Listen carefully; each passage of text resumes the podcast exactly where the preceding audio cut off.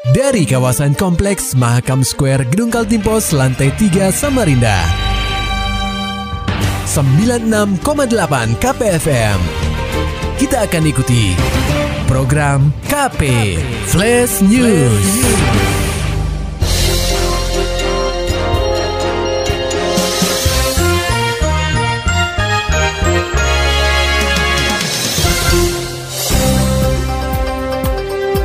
Ada lima titik blank spot di Samarinda, belajar daring jadi terhambat. Laporannya disampaikan reporter KPFM Samarinda, Maulani Alamin. Pendengar KP, jaringan di lima wilayah di Samarinda mengalami blank spot, sehingga siswa mengalami kesulitan untuk mengakses jaringan internet saat melaksanakan pembelajaran secara daring. Kepala Dinas Pendidikan Kota Samarinda Asli Nuryadin mengatakan, lima titik tersebut berada di pinggir Samarinda, tepatnya pada kawasan hutan dan pegunungan. Asli merincikan, Lima wilayah tersebut adalah Bantuas, Makroman, Berambai, Gunung Pinang, dan Loa Kumbar. Berikut penuturan Kepala Dinas Pendidikan Kota Samarinda Asli Nuryadin. Ada permasalahan di uh, apa di anak-anak kita dan orang tua. Jadi misalnya uh, smartphone-nya terbatas atau tidak memiliki. Hmm. Terus kalau dia memiliki smartphone, dia masih punya uh, tidak punya paket data itu masih bisa dibantu ya, dibantu oleh pihak sekolah Nah, yang paling penting masih ada juga 5 sampai 10% di daerah pinggir itu jaringan uh, telekomunikasi itu tidak ada. Hmm. Sehingga walaupun mereka memiliki paket data atau memiliki uh, perangkat itu pun belum bisa uh, optimal.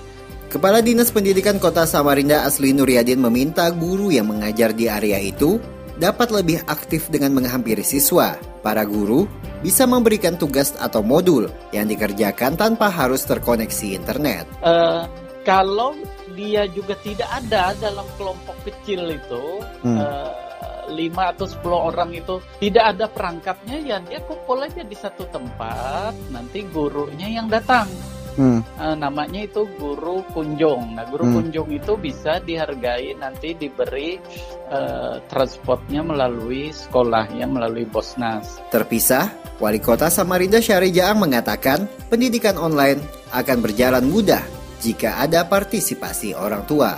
KPFM Samarinda, Maulani Al-Amin melaporkan. Pendengar KP, penyidik Komisi Pemberantasan Korupsi atau KPK kembali melakukan pemeriksaan saksi terkait kasus suap yang melibatkan Bupati Nonaktif Kutai Timur Ismunandar bersama istri Encek Virgasi dan tujuh orang tersangka lainnya. Proses pemeriksaan berlangsung di Aula Wira Pratama Mako Polresta Samarinda selama dua hari, yakni pada Selasa 11 Agustus 2020 sampai Rabu 12 Agustus 2020. Salah satu penyidik KPK yang enggan disebutkan namanya mengatakan selama dua hari pihaknya telah memeriksa 44 orang saksi dengan rincian 32 saksi pada hari pertama dan 12 saksi pada hari kedua. Ada. Oh gitu. Iya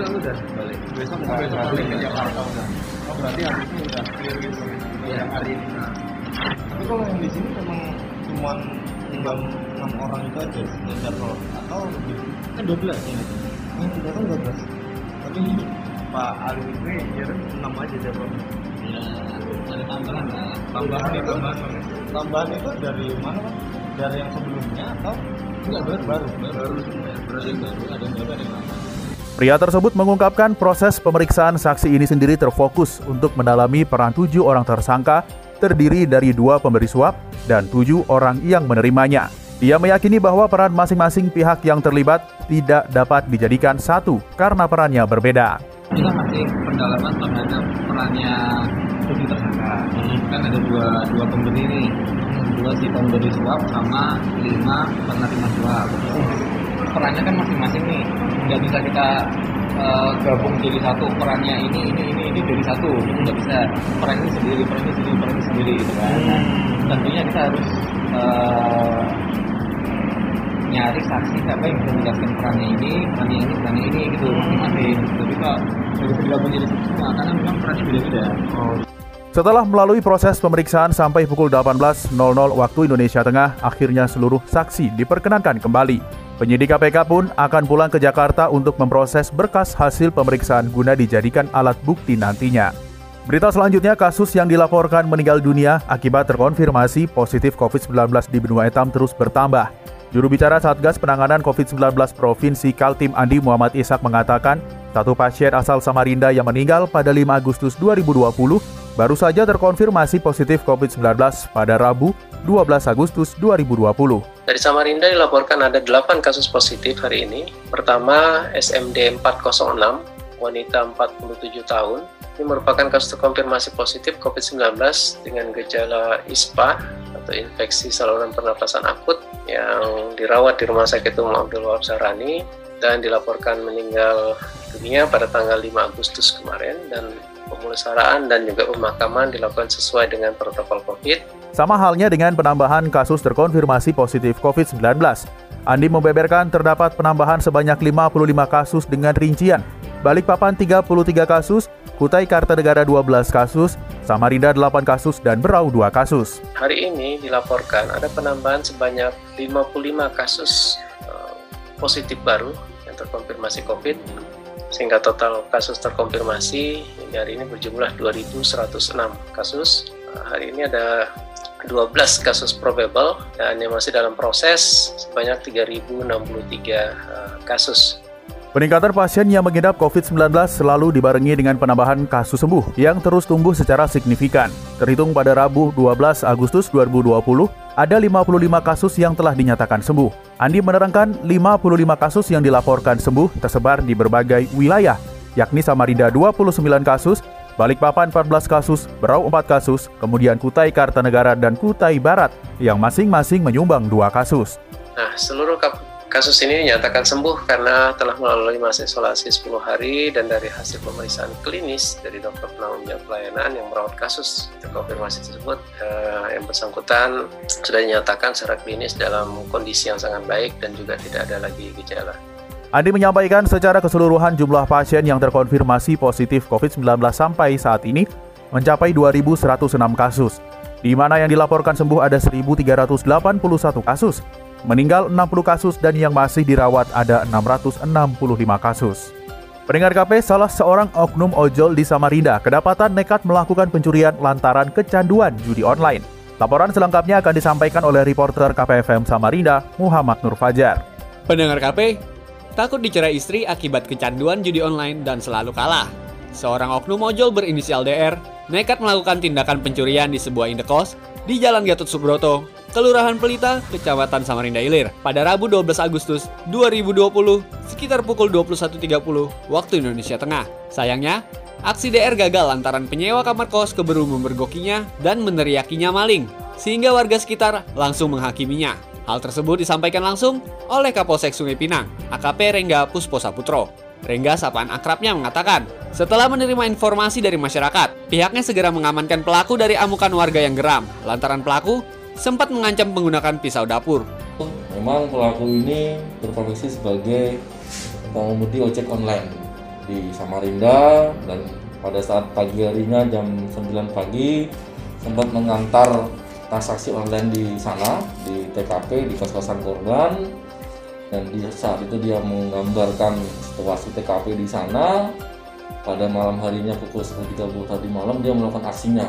Dengan terlebih dahulu dia sudah membawa barang bukti pisau, gunting dan lakban yang nantinya akan digunakan untuk mengikat korban apabila korban melakukan perlawanan. Rengga mengungkapkan, pelaku diketahui mengalami kecanduan judi online. Jadi, pelaku sudah sering diberikan uang oleh istrinya untuk modal usaha. Namun, uang tersebut disalahgunakan untuk berjudi online. Ini memang berbasis ojek online dan pelaku ini mengalami kecanduan game online dan sudah diberikan uang kepada istrinya untuk istrinya modal untuk uh, menjalankan usaha ojek online-nya ternyata digunakan salah disalahgunakan oleh pelaku ini oleh suaminya ini untuk jadi online sehingga kalah dan takut dicerai sama istrinya sehingga pelaku nekat untuk melakukan aksi pencurian.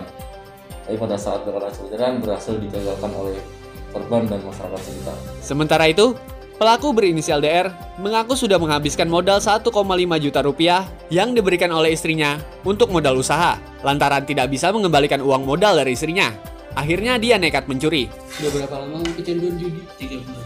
Tiga bulan. Sebelumnya pernah main judi juga? Sebelumnya karena kecanduan 4-5 tahun yang lalu 4-5 tahun yang lalu saya sempat berhenti pada saat saya ojek online saya kenal sama teman yang juga penjudi online saya ikut main lagi saat ini, korban beserta saksi sudah dimintai keterangan. Untuk proses penyidikan lebih lanjut, pelaku akan dikenakan pasal 363 tentang pencurian, Juntop Undang-Undang Darurat tentang penggunaan senjata tajam.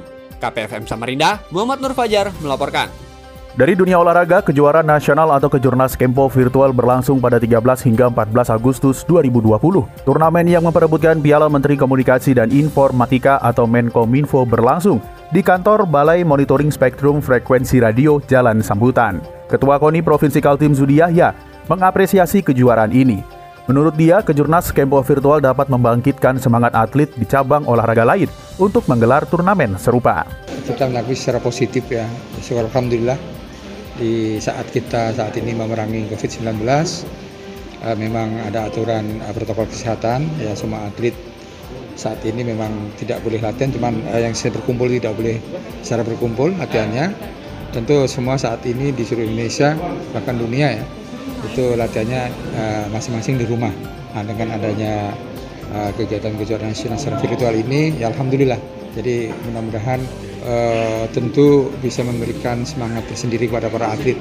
Ya, bahkan saat ini latihannya di rumah. Di lokasi yang sama, Kepala Balai Monitoring Samarinda Sugandi mengatakan pihaknya sangat mendukung dengan adanya kejuaraan Kempo secara virtual tersebut.